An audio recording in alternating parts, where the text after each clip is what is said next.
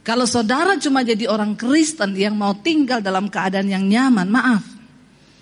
Kayaknya engkau tidak bisa menjadi orang benar.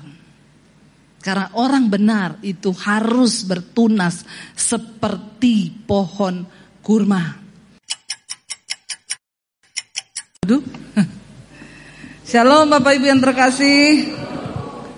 Saya buka masker nggak apa-apa ya. Yang penting Bapak Ibu jangan ikut-ikutan buka masker. Supaya kita tetap prokes di sini ya. Iya terima kasih buat kesempatannya buat Pak Yo dan juga Ibu yang memberikan kesempatan saya ada di sini. Saudara saya percaya hari-hari ini kita membutuhkan Tuhan lebih dan lebih lagi. Dan ya luar biasa pasti Tuhan akan bekerja.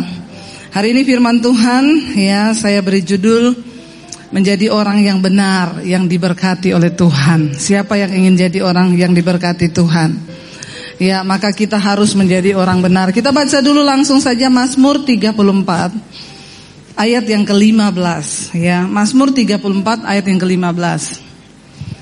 Kita akan baca bersama. Kalau sudah ada tolong ditayangkan. Mazmur 34 ayat yang ke-15. Ini kayaknya TV yang buat ayat bisa diturunin dikit ya Pak. Jadi kita nggak gini. Kayak menatap Tuhan. Saya pikir Pak Yo dari kemarin lihat ke atas gini apa? Oh ada TV di situ saudara ya. Jadi bukan Tuhan yang berbicara dari atas. Iya kita baca saja Mazmur 34 ayat 15 ya. Baca sama-sama 1 2 3 mata Tuhan tertuju kepada dan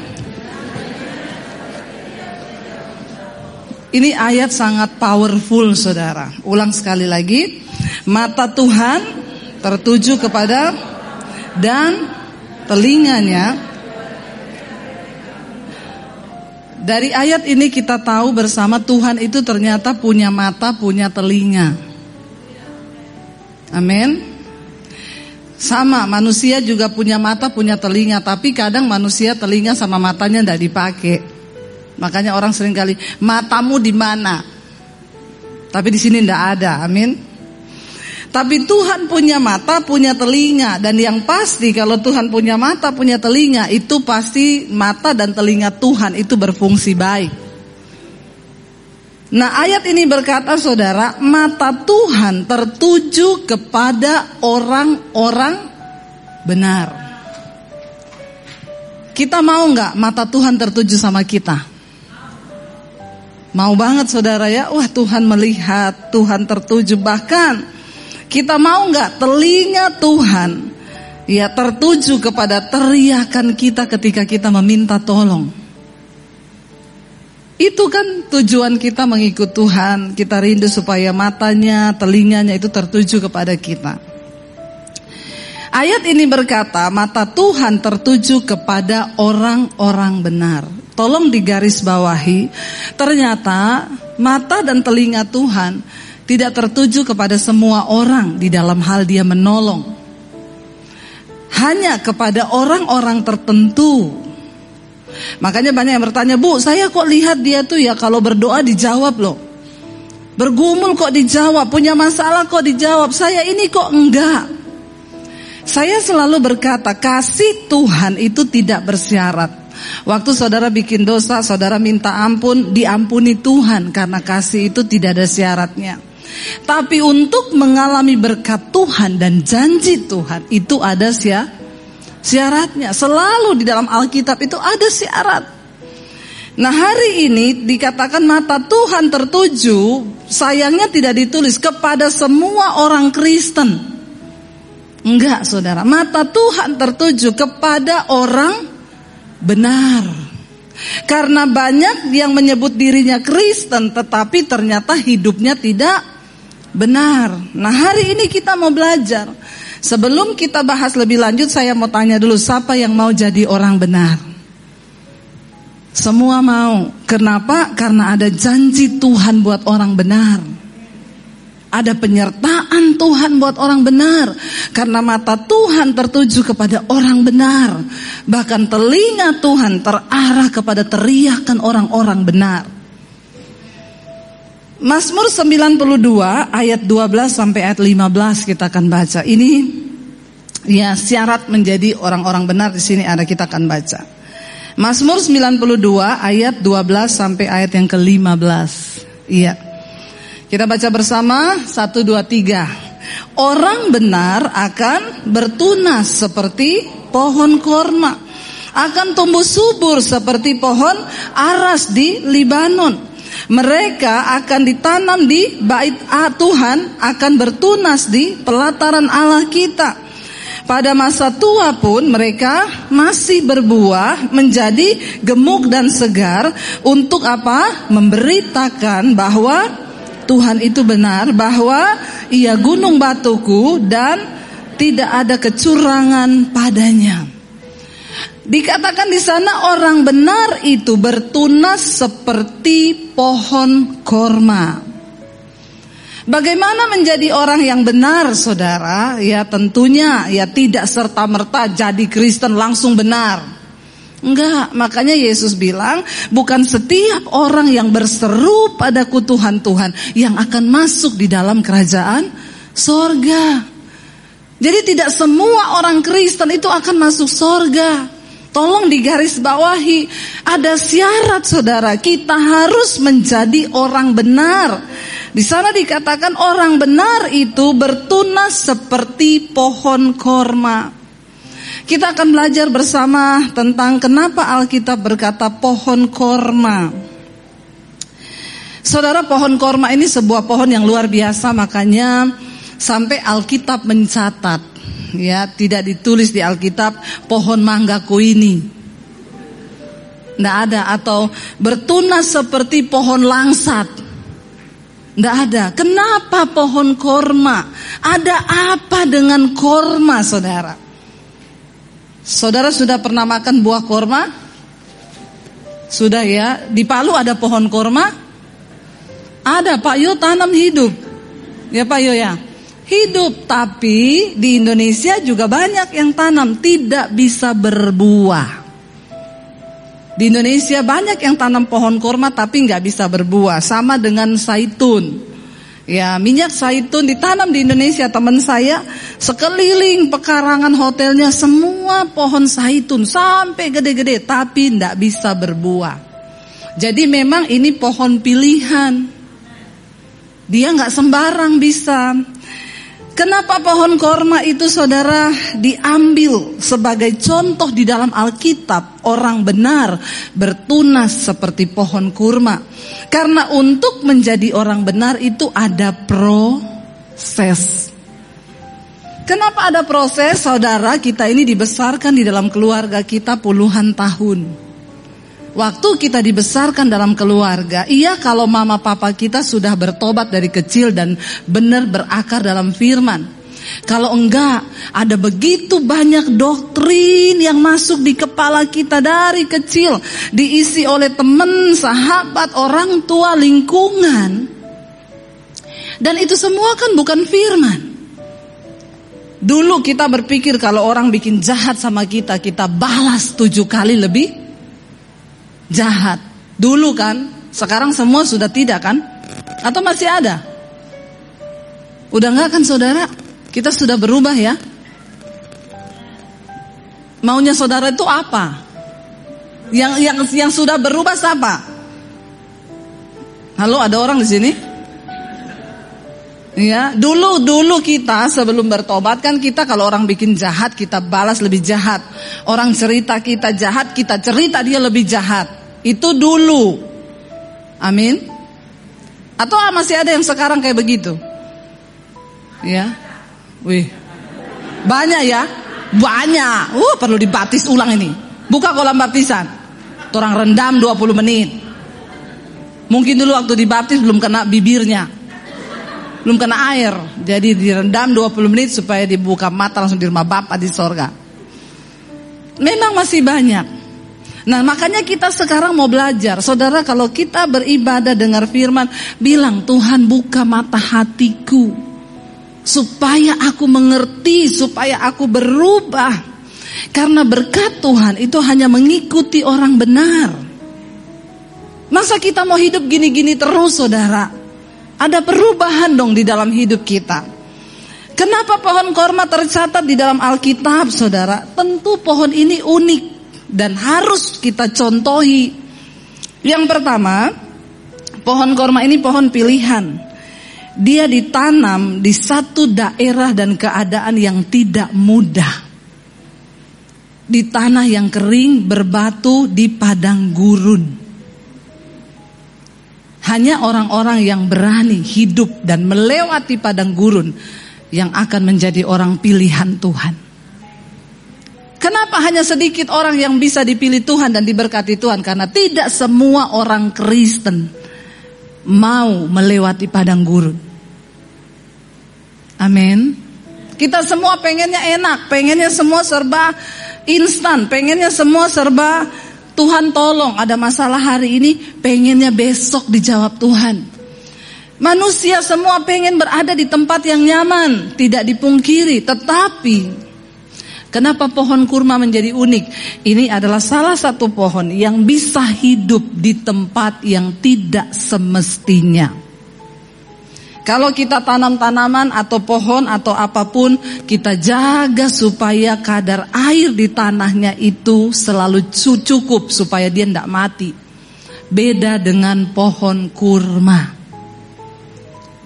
Pohon kurma tidak hidup seperti kebanyakan tanaman lain yang dengan enak bisa hidup di suasana yang nyaman. Kalau saudara cuma jadi orang Kristen yang mau tinggal dalam keadaan yang nyaman, maaf. Kayaknya engkau tidak bisa menjadi orang benar. Karena orang benar itu harus bertunas seperti pohon kurma. Nomor satu, tanah di tempat di mana pohon kurma itu tumbuh itu udah beda dulu.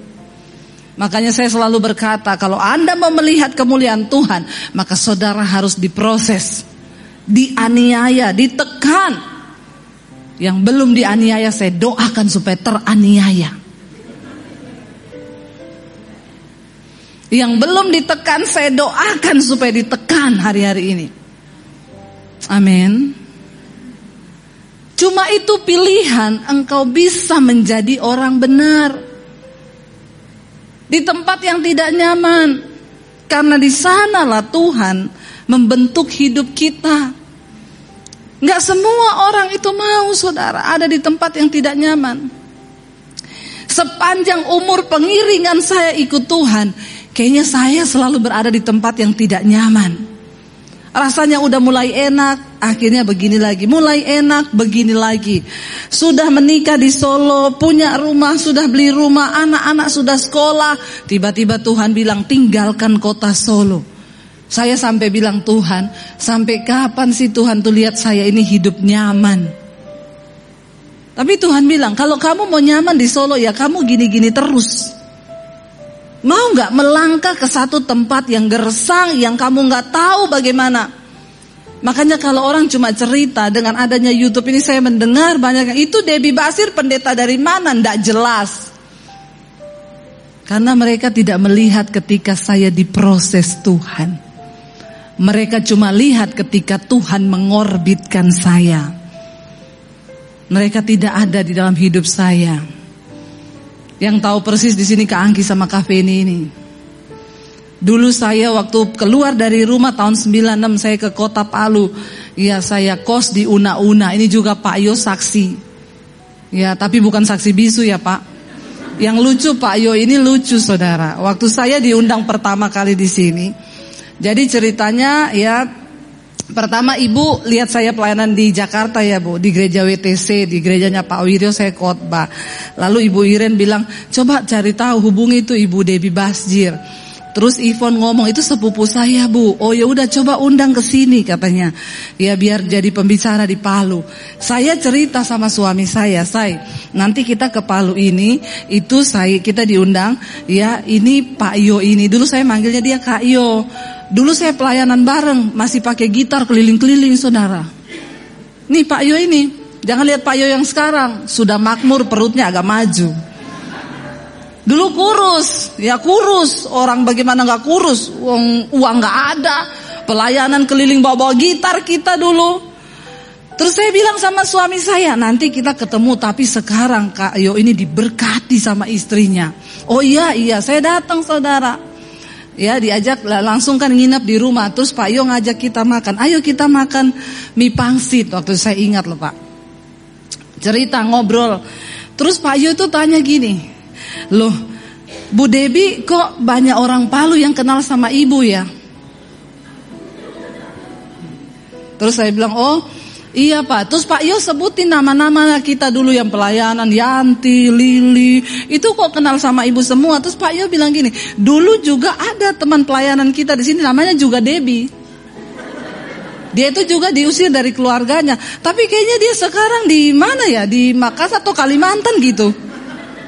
Terus saya itu ngomong, Kak Yo, baru Pak Yo sadar, Kak Yo itu saya.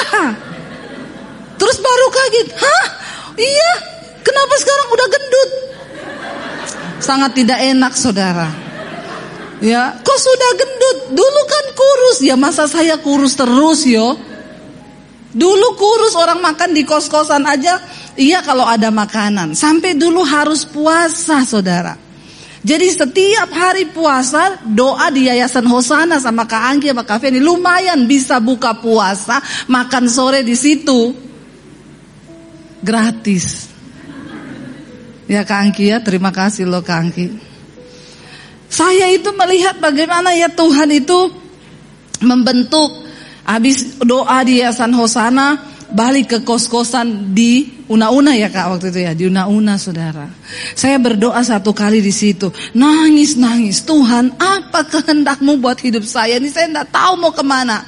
Tuhan ngomong satu saat bangsa-bangsa akan menanti pengajaranmu, pulau-pulau akan menanti pengajaranmu.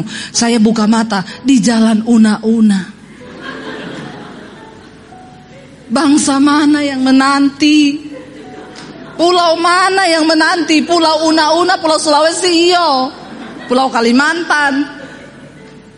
Bangsa-bangsa apa? Secara manusia saudara, coba. Apa yang kita mau lihat Tuhan, apa yang Tuhan lakukan dengan hidupku. Ketika saya memilih Yesus, saya malah masuk di dalam tekanan, persoalan, masalah. Gak enak. Saya dibawa ke tempat bertumbuh di tanah yang gersang. Nggak ada air rasanya saudara. Aduh benar-benar nggak ada uang di tangan. Aduh ya berat saudara. Tetapi hanya orang-orang yang mau berada di tanah yang tidak lasim. Di tanah yang gersang itu. Mereka akan jadi pohon pilihan Tuhan. Tepuk tangan buat Tuhan Yesus. Yes, kenapa? Firman Tuhan itu nggak pernah salah. Firman Tuhan tuh nggak pernah salah. Akhirnya saudara dulu saya berpikir saya mau sekolah Alkitab ah. Tapi mau sekolah Alkitab di mana? Lalu waktu itu ada Kak Ronald saudara di Yayasan Hosana itu dia datang dari Manado ya waktu itu kayaknya bantu pelayanan di sini. Dia kan STH, saya bilang Kak, saya ini kan baru pertama mau jadi Kristen, saya masih banyak belajar. Karona kita mau belajar Alkitab. Jadi Karona bikin aja di sini kayak kursus atau sekolah Alkitab supaya kita ini belajar kayak di sekolah Alkitab. Walaupun nggak dapat titel nggak apa-apa, yang penting kita belajar. Terus Karona bilang, oke okay, kalau gitu nanti minggu depan kita mulai ya. Saya bilang, oke okay, kita mulai. Semangat saya saudara. Begitu besoknya udah mau mulai, saya bilang, Karona berarti besok kita jadi mulai ya. Dia bilang, tunggu dulu Dewi, ada yang saya mau sampaikan sama kau.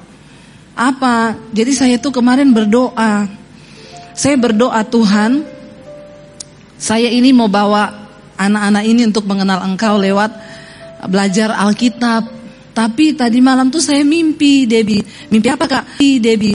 Mimpi apa kak? Kita ini semua yayasan Hosana dia bilang kita jalan di pinggir sungai ya Karonal paling depan terus saya di belakangnya Karonal kita mau cari ada air sumber air mata air ini nih dari mana? Karena air itu jernih. Dia bilang kan itu bicara tentang firman air. Berarti benar Tuhan teguhkan ini kita mau belajar firman. Tapi kita jalan dia bilang naik gunung lembah begitu dapat sumber mata airnya. Saya menoleh ke belakang. Semua anak-anak yayasan Hosana ada tapi Debbie hilang saya kaget loh saudara. Waduh, saya tersesat di mana kak? Kenapa Kak Ronald tidak cari saya? Terus saya di mana? Takut saya dia bilang. Kamu tahu nggak? Waktu saya cari kamu kan kamu yang menggebu-gebu banget mau belajar firman. Waktu saya cari kamu, Tuhan tuh ngomong begini. Khusus Debbie, kamu nggak usah ngajari dia. Aku sendiri yang akan mengajarinya. Saya takut saudara waktu saudara amin amin yes yes yes. Saya nih yang jadi takut. Aduh Kak Ronald, Masa sampai kayak gitu? Iya, Tuhan ngomong, Tuhan yang akan mengajarimu. Waduh, kalau Tuhan yang mengajari ini bagaimana? Dari situ akhirnya saya masuk dalam proses demi proses saudara. Dibawa di tanah yang kering dan gersang. Kalau saudara mau jadi orang benar, jangan selalu suka keadaan yang nyaman. Kalau engkau hari ini sedang tidak nyaman, puji Tuhan haleluya 12 kali. Amin. Asal saudara hidup benar loh, jangan cari-cari masalah loh. Iya lain cerita kalau saudara cari masalah lalu nggak nyaman ya itu urusanmu sendiri. Tapi kalau saudara lagi di dalam keadaan yang tidak nyaman, puji Tuhan, tangkap sesuatu yang dari Tuhan hari-hari ini. Kalau saudara yang hari ini lagi nyaman, saya doakan supaya tidak nyaman. Bilang amin. Aminnya kayaknya terpaksa gitu ya. Amin, yes saudara ya. Yang pertama pohon korma itu tumbuhnya nggak lasim, tidak seperti pohon-pohon yang lain. Makanya dia menjadi pohon yang diambil contoh dalam Alkitab. Yang kedua saudara, pohon korma itu berakar di masa yang sulit. Ya, korma itu tumbuh di daerah timur tengah. Waktu dia ditaruh bijinya saudara, ya itu dia ditumpuk pakai batu besar. Supaya tujuannya apa? Biar tunasnya ini nggak langsung naik ke atas. Jadi karena dia mau bertumbuh ke atas terhalang, akarnya itu yang tumbuh ke bawah. Orang Kristen sukanya langsung tumbuh ke nah, ke atas. Biar pengen cari nama, cepet terkenal, biar orang cepet tahu. Saya pelayanan di satu gereja di Jakarta, dia bilang, Bu Debi saya ini sebenarnya sudah MTH. Oh iya Pak, iya tapi saya di gereja sini tidak dikasih kesempatan khotbah Bu. Jadi jam terbang saya sedikit. Nah Ibu Debi bisa terkenal kan karena jam terbangnya sudah banyak. Saya bilang, Bapak mau jadi pendeta atau jadi pilot? Kenapa Bapak nggak sekolah penerbangan Pak? Supaya jam terbangnya tinggi. Makanya orang bilang kalau bicara jangan terlalu tinggi nanti tabrakan sama pesawat bibir. Tapi orang Kristen maunya cepat-cepat tumbuh ke atas naik. Tidak bisa. Kalau saudara mau jadi orang benar, buang itu semua. Jangan kepengen langsung dilihat manusia. Jangan kepengen langsung disanjung manusia. Biarkan Tuhan yang menyanjung kita, biarkan Tuhan yang memuji kita. Karena Alkitab berkata bukan orang yang memuji diri yang tahan uji, tapi orang yang dipuji Tuhan. Enggak penting pujian manusia, sudah enggak penting. Kenapa manusia di depanmu dia puji, di belakang langsung. Tapi di depan luar biasa dahsyat. Makanya saya sekarang belajar Nggak usah terlalu minta mau dihargai, mau dihormati, nggak usah. Ngapain kita nih minta penghormatan manusia, kita nggak berkenan sama Tuhan. Tapi ketika kita cari penghormatan Tuhan, ya maka kita ini berkenan di hadapan Tuhan. Saya baca status kemarin seseorang di Facebook. Gara-gara Natal kemarin saya omongin aja di sini nggak apa-apa saudara. Natal Bamak bikin hilang damai sejahtera. Orang mau duduk di kursi depan, diusir suruh pindah ke belakang. Katanya itu untuk pendeta. Kalau gitu biar dihormati, jadilah pendeta kau supaya kau dihormati. Please saudara ya.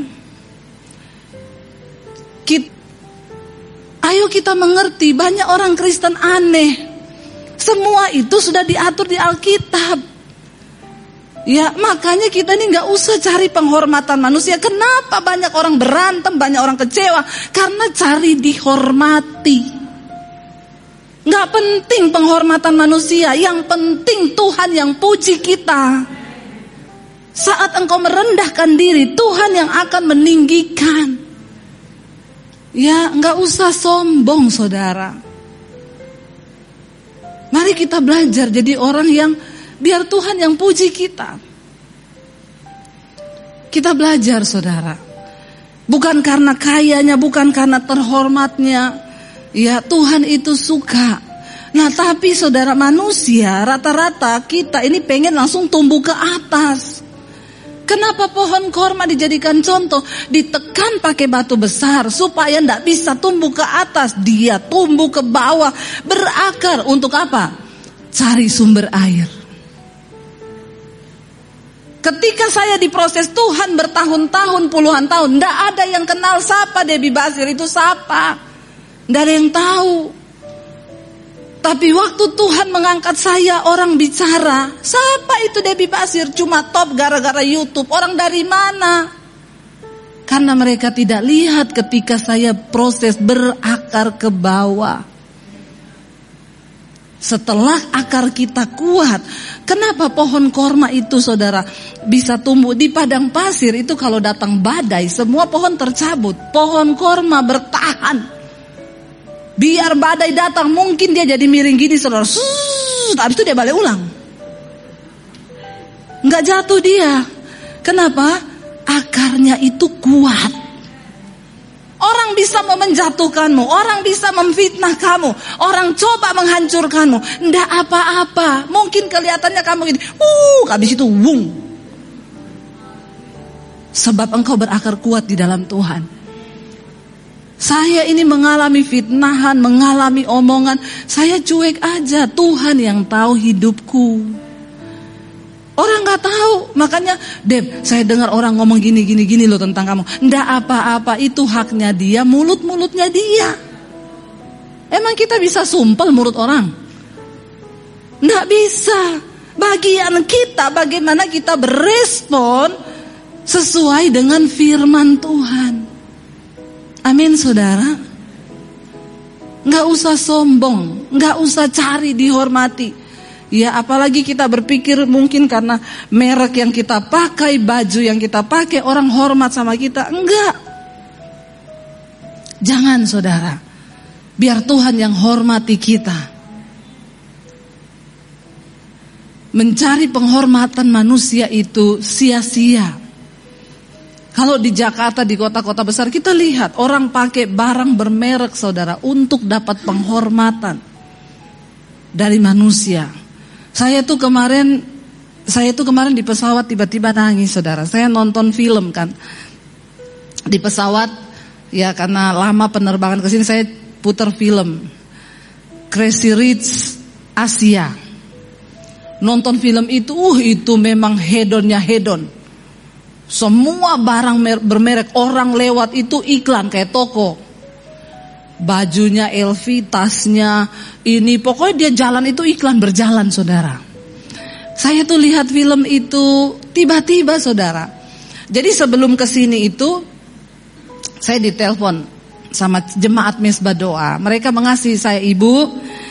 Ibu ulang tahun kan kemarin. Saya ini tergerak beliin ibu sepatu. Jadi ibu ke Plaza Senayan, ibu ke sana, ibu ambil aja di ibu masuk di toko LV. Ibu ambil sepatu saya sudah titip di situ. Nomor 40 ibu coba, cocok ibu bawa pulang. Nanti ibu ketemu sama mbaknya namanya ini. Saya datanglah ke LV saudara di Plaza Senayan ya agak gugup juga saya bilang sama suami sama anak-anak saya aduh masuk di LV itu tampang saya begini lagi. Orang masuk di LV itu nggak sembarang saudara. Saudara baru mau dekat-dekat tokonya sudah dilirik sama security. Saya seumur-umur di Jakarta belum pernah masuk ke tokonya LV saudara. Baru sama ibu itu. Dia saya saya datang antri. Jadi itu toko tidak boleh banyak orang di dalam, hanya boleh lima apa enam orang. Itu pun yang sudah pesen, yang belum antri. Jadi orang itu antri di depan berdiri pakai garis, saudara. Saya datang ketemu securitynya, Mas saya udah uh, mau coba sepatu, oh udah janjian sama siapa bu, sama mbak ini. Mari bu, jadi saya lewatin yang antri.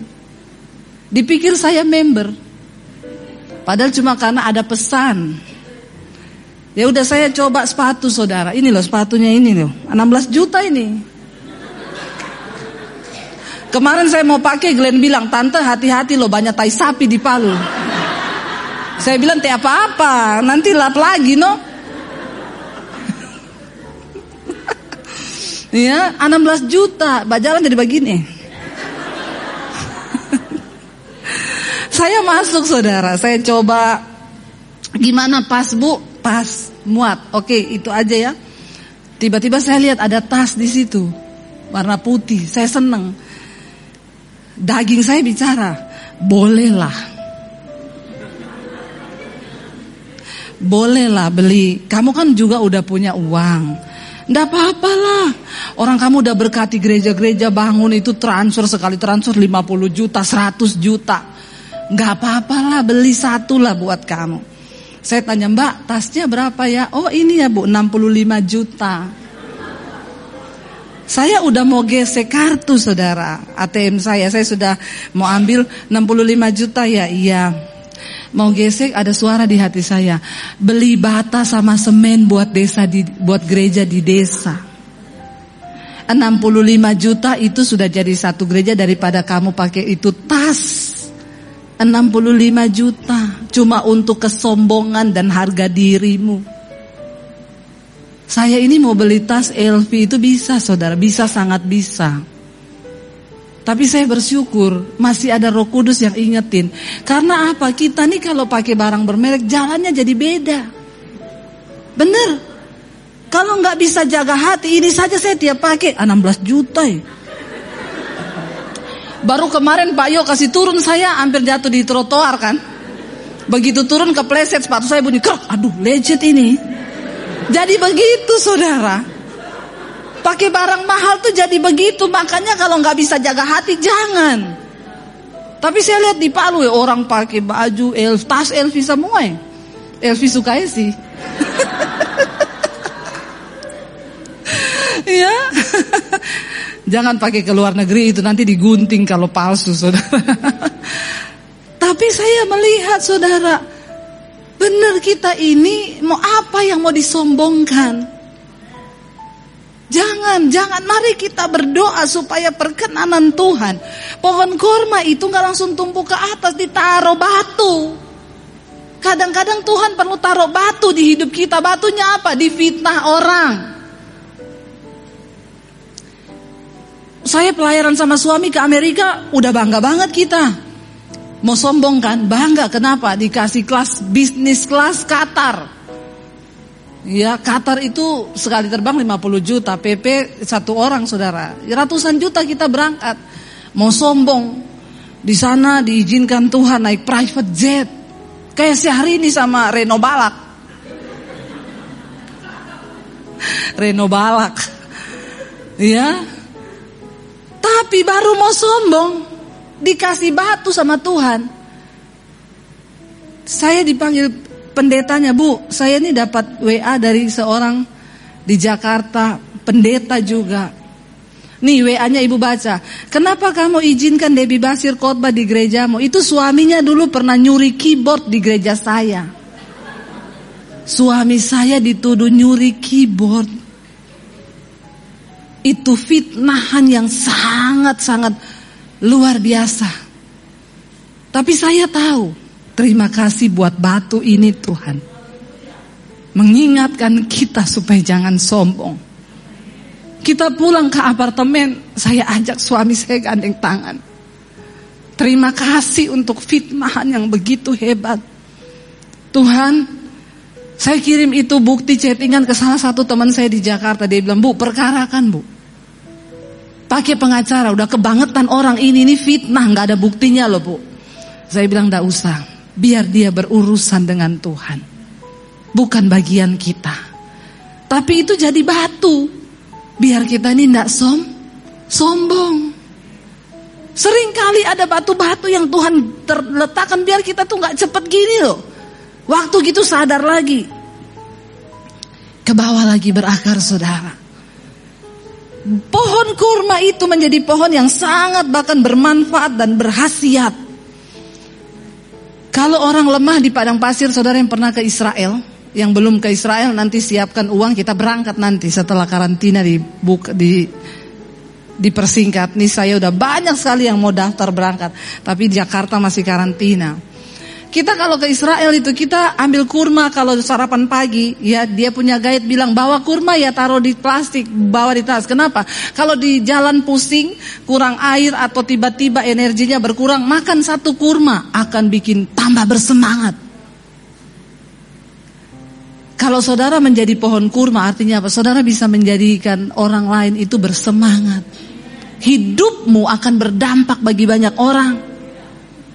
Jangan sampai orang lagi bersemangat lihat saudara langsung hilang semangatnya. Tapi mari kita menjadi seperti pohon kurma yang menjadikan orang lain bisa bersemangat ketika melihat hidup kita, mendengar pengajaran kita. Saya bersyukur ada begitu banyak orang kesaksian, Bu, saya nggak jadi cerai sejak saya dengar khotbah-khotbah Ibu, iman saya bangkit. Kemarin saya ketemu sama satu jemaat orang Palu. Dia bersaksi, Bu Debi, saya Ibu Marta yang sering WA Ibu dulu itu loh. Dalam hati saya, oh ini tuh Ibu Marta itu yang WA WA saya terus. Tiap hari dia WA saya saudara. Bu anak saya kerasukan bu. Bagaimana ini bu? Saya bilang ibu saya ndak bisa tolong ibu ya. Ibu cari Tuhan. Jangan cari saya saya jauh. Ibu bangkitkan iman ibu. Layani anakmu yang kerasukan.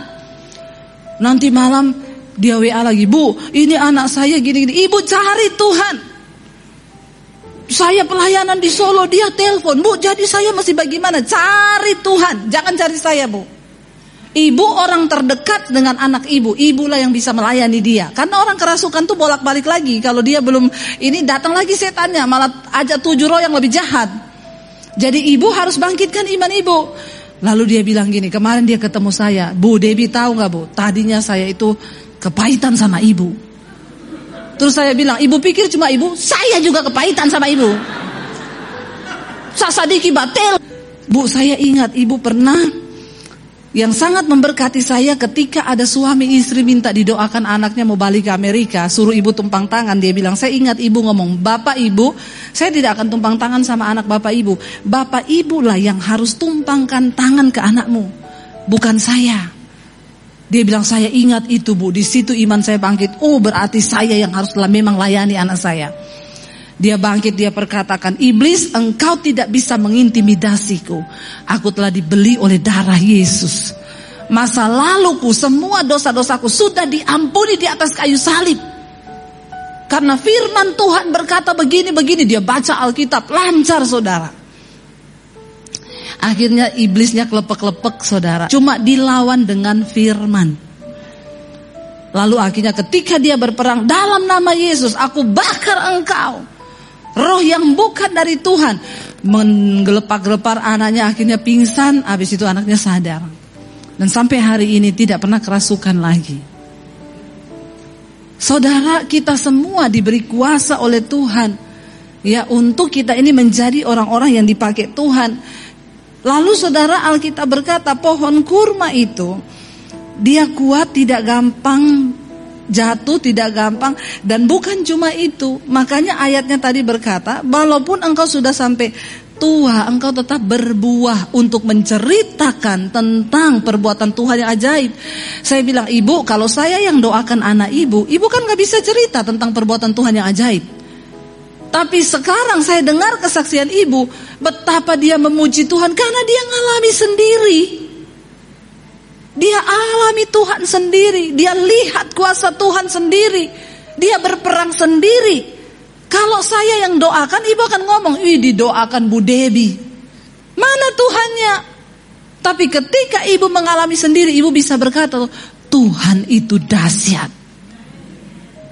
Bukan hanya pendeta yang diberi kuasa bu, tapi ibu ketika engkau mau jadi orang benar, Tuhan berikan engkau kuasa untuk berdampak. Keluarga demi saya bersyukur ini sekarang ini lewat mesbah doa. Orang-orang Kristen saudara, mereka yang dulu tidak pernah tahu tentang pelepasan karunia roh, sekarang mereka dibangkitkan. Dari Manado, Bu. Saya ini gereja bukan karismatik, Bu. Kita dari gereja Protestan, Bu. Saya tidak pernah mengalami begini. Ponakan saya kerasukan Ibu Debbie. Bagaimana? Ambil minyak, taruh di piring, doakan jadi minyak urapan. Ibu berperang sekarang. Bagaimana caranya? Perkatakan firman dalam nama Tuhan Yesus. Roh-roh yang bukan dari Tuhan akhirnya satu keluarga. Saya bilang jangan kau cekik itu ponakanmu. Kan kadang orang kalau udah takut kerasukan malah dicekik. Dalam nama Yesus mati malah saudara. Ya, ibu tidak usah takut nomor satu, tapi ibu layani. Mereka layani, mereka, dia telepon saya, Bu, baru kali ini. Saya mengalami sendiri Tuhan. Saya bersyukur ibu mengajarkan kami untuk cari Tuhan. Jangan cari pendeta. Emang saya bisa bikin apa sama saudara? Jangan suruh saya yang berdoa, saudara yang berdoa. Apalagi doa buat suamimu. Jangan titip sama saya doa buat suamimu. Tapi mungkin saya mau berdoa buat suamimu itu laki-lakimu sendiri. Ya, teh mungkin saya mau menangis buat suamimu. Tuhan berkati Joni Tuhan. Eh, kita pepa itu ada dengar siapa itu Joni? Orang rumah tangga ancor cuma gara-gara kita berdoa ke kampe laki itu. Tidak saudara. Berdoa sendiri waktu engkau dengan cinta. Saya kan tidak cinta sama Joni. Saya cinta sama Daniel. Jangan berdoa buat suami orang. Jangan berdoa buat istri orang. Doakan sendiri, datang sama Tuhan. Supaya engkau mengalami Tuhan. Jadi orang benar, ayo buka paradigma kita di hari-hari ini saudara. Ya, pohon kurma, sekalipun dia sudah mati. Pohon kurma ya, udah mati nih ya. Para musafir itu kalau lewat di padang gurun kehabisan air, mereka lihat sisa-sisa batang pohon kurma yang sudah mati di mana. Mereka datang ke sana. Kenapa? Karena di bawah itu pasti ada mata air. Walaupun dia so mati, tetap jadi berkat hidupnya. Kita jadi orang benar, walaupun kita udah mati, orang akan ingat kebaikan kita. Orang ingat akan nama kita. Saya bersyukur kalau Tuhan panggil saya mati, Setidaknya khotbah-khotbah saya masih tetap bisa berdampak bagi banyak orang. Itu yang saya syukuri. Coba saudara renungkan hari ini kalau Tuhan panggil engkau besok mati, apa yang sudah engkau lakukan bagi orang? Jangan sampai engkau mati orang bilang syukur akhirnya mati juga dia. Bertobat. Sebagai istri jadilah istri yang baik. Sebagai suami jadilah suami yang berdampak. Sebagai orang tua jadilah orang tua yang benar. Sebagai anak jadilah anak yang benar. Amin saudara. Ya, nggak percaya? Coba kita baca satu ayat sebelum kita selesai. Keluaran 15 ini adalah kisah ketika Musa membawa bangsa Israel berangkat dari laut Tiberau Lalu mereka akan pergi ke padang gurun di Syur. Tiga hari lamanya mereka berjalan di padang gurun itu. Ya dengan tidak mendapat air. Itu di keluaran 15 ya ayat 22. Tiga hari tidak dapat air. Lalu ketika mereka sampai di Mara. Kita tahu bersama di situ ada mata air tapi menjadi pahit air itu lalu Musa melemparkan kayu. Tetapi ayat 27 di sana dikatakan Keluaran 15 ayat 27 baca sama-sama.